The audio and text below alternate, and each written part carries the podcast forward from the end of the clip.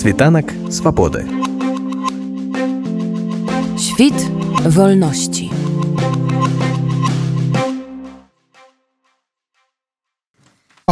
Азов стал такой фішкай расійскай і лукашэнкаўскай у беларусі прапаганды што гэта нейкі такі нацыяналістычны батальён спачатку потым полк. З яго просто зрабілі нейкая пудзіла. Вось вы з паходжання этнічны азербайджанец воюеце у палку азоў.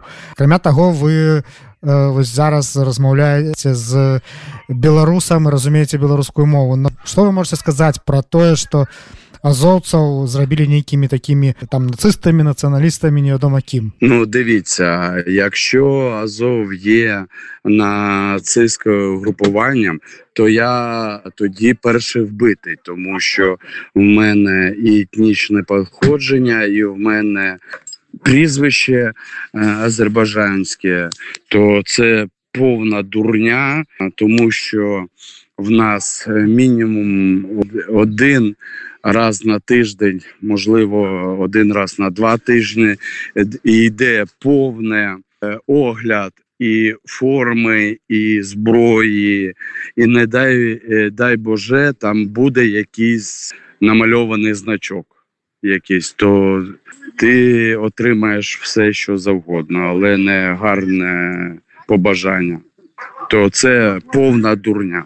Ці можете вы сказаць дзе вы заспелі 24 лютага 22 года калі пачалася паўнамасштабнае ўварванне расійцаў я быў в гостомелі мне вночі зателефонував мій друг сказав що почалась війна і все і я вже шукав можливість йти до лав збройних сил України Вы абаранялі якраз гэты кавалак кіевскай вобласці вакол вашага месца пражывання так? Гастомель ірпень буча бучанскі раён. Вось не так даўно депутат бучанскай гарадской рады Васіль алексюк агучыў у вільнюсе на брыфінгу такую інфармацыю што жыхары бучанскага раёна бачылі там вось у гэтыя першыя дні калі пачалася акупацыя э, прадстаўнікоў беларускага войска з шевронамі чырвона-зялёнымі лукашэнкаўскімі. Ці чулі вы што-нибудь такое вось знаходзячыся там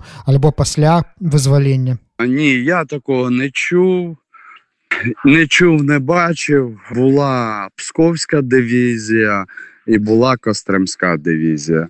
А трошки далі, в самому початку Гостомеля, це де аеродром. Ми знали, що є кадирівці. Представників з Білорусі я не бачив і навіть про це не чув. Тому я не можу не казати, що не було, але і не зможу сказати, що вони там були. Ці можете вы распавесці вось пра гэты самы пачатак вайны калі менавіта вось у гэтую тэрыторыю дзе вы знаходзіліся пачалі прыбываць гэтыя расійскія войскі ехаць па зямлі ляцець летакамі верталётамі? Як усё гэта бачылася і як вы давалі адпор гэтым захопнікам? На процязі першых двух тижнів було мало амуніції було мало зброї і ми оборонялися зброєю радянською ще часу, то я вважаю, столиця не була захоплена на ентузіазмі, на патріотизмі людей. Тому що це наша земля, кожна травинка, кожна лепесточок буде нам допомагати на нашій землі. А вони були не в себе вдома, і вони боялися кожного шороху і кожної тіні. Тому нам було трошки легше. Ми знали, за що ми воюємо. Це наш дом, тому що велика, дуже велика орда йшла на Київську область, але це їм не допомогло. А наколькі адыгралі ролю вось гэтыя скажем гарызантальныя сувязі ў грамадстве у мясцовых жыхароў калі людзі просто самі арганізоўваліся не чакаючы нейкіх там загадаў улады ці нейкае камандаванне стваралі тэрытарыальную абарону каб не прапусціць у пэўныя напрамкі гэтых расійцаў Саме цей хід е, президента роздати е, людям зброю, яка готова була боронити свою країну, і принесла користь. Дуже погано було перший час, було е, неналаштований зв'язок між підрозділами і між тими самими хлопцями тероборони, але ну вийшло як вийшло.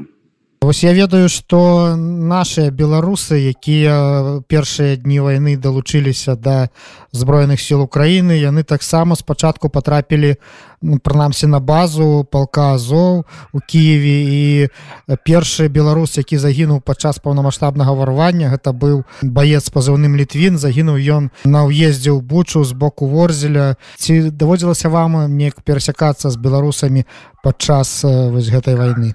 Так, так. Е, Ми пересікалися і бачилися. Поруч не воював, але коли виходили на один-два дні на відпочинок, а, то в, те, в цей час ми пересікалися з хлопцями, і вони були етнічними білорусами, які приїхали на допомогу Україні. і што вось вы можете сказаць якія ўражанні пра іх засталіся Тільки самі найсвітліші, е, дуже позитивні, дуже веселі хлопці, а, які багаті духом, духом свободи, духом волі і знають, що вони роблять. А як вы думаеце што імі рухае чаму яны вырашылі кінуць там жыццё у таких э, заможных краінах у Польшчы у літве там яшчэ недзе далей і прыехаць на вайну ва ўкраіну Я задавав їм питання, що саме їх е, штовхало приїхати нам на допомогу. Вони сказали таку фразу: наша країна живе більше 20 років в окупації. Ненародного президента і е, країна-агресор Російська Федерація не є їхніми друзями, і вони, як вони сказали, українці це наші брати, це наші рідні, і ми будемо з ними пліч опліч. Вось вы узгадалі што вы потым былі накіраваныя на ўсход Украіны ці можете вы распавесці не раскрываючы нейкіх там военных таямніц э, дзе вы удзельнічалі Постійно було звільнення наших населених пунктів і Запорізький напрямок, і Херсонський напрямок. Е, На сьогоднішній день наші хлопці знаходяться на Бахмутському напрямку. як э, вас э, сустракалі тыя жыхары якія засталіся там і перажылі акупацыю вось на ўсходзе і на поўдні Украіны Ви розумієте, це дуже дуже. А навіть ті люди, які в Київській області на сході пережили окупацію, е, вони ж бачили, коли і їхніх сусідів, і їхніх знайомих навіть просто розстрілювали е, солдати Російської Федерації. Тому я навіть боюся б е, собі уявити, як ми будемо реабілітувати цих людей, бо це жінки, бо це діти, які пережили окупацію, і це дуже психологічна нагрузка така. Але вось як вось адбывалася тое калі вы заходзілі ў населеныя пункты э, што вам казалі што вам у першыя вось гэтыя э, хвіліны гадзіны калі вы патраплялі выходзілі расейцы заходзілі украінцы Дякували. І казали, що дуже чекали, і е, люди кожен день були е, розумієте, вони жили в такому стані, що вони кожен день, е, просипаючись, навіть не знали досконало, чи виживуть вони, проживуть вони до вечора або переживуть вони ніч. Їх в будь-який момент могли прийти, забрати, розстріляти що завгодно. І люди жили в такому емоційному шоці, що коли ми приходили, ну перше, що дякували, і казали, що чекали. Коли їх звільнять, і дуже важко мені зараз уявити про ті населені пункти, які більше року. А у нас є населені пункти, які більше вже 9 років в окупації. Розумієте, і там е, так само знаходяться громадяни України, і за такий час це навіть діти повиростали. Коли дитині було 9 років, 9 років вже пройшло, то сьогодні йому вже 18. І він інформативно він набрався а, інформації е, з одного істочника. А сьогодні нам треба буде е, людям повертати їх і показувати їм, що відбувалося дійсно.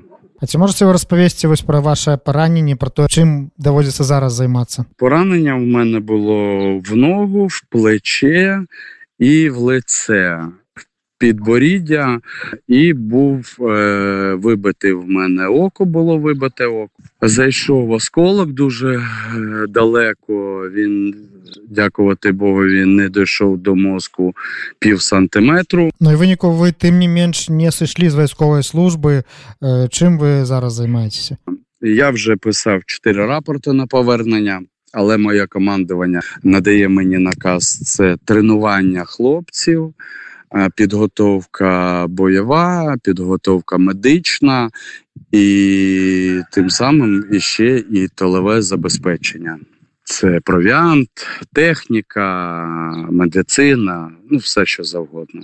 Це все потрібно. Магчыма, ви б хацелі яшчэ нешта распавесці, што я не спытаў. Я хотів би звернутися до громадян Білорусі, тому що так само ваші хлопці, ваші дівчата, вони боронять і допомагають нам, українцям. Я хочу звернутися до тих громадян, які кажуть, що це війна не їхня, але використовується а, територія Білорусі, через яку проходять е, вороги. А це не тільки наші вороги, це і вороги, і їхні. І на сьогоднішній день не тільки територія використовується, а використовується і воздушне е, пространство. До нас летять дрони, ракети, які вбивають наших дітей, жінок, наших людей. І ніякі е, військові якісь а, табори або а, локації ці ракети, ці дрони не пошкоджують. Вони летять в наші міста, в наші а, садочки, в наші школи, в наші будинки. Тому я прошу і звертаюся до всіх білорусів. Просніться, вийдіть і згадайте, що ви є джерелом влади в своїй країні.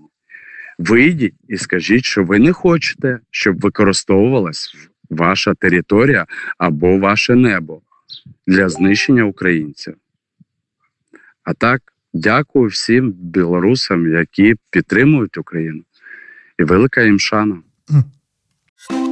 Світанок свободи. Świt wolności.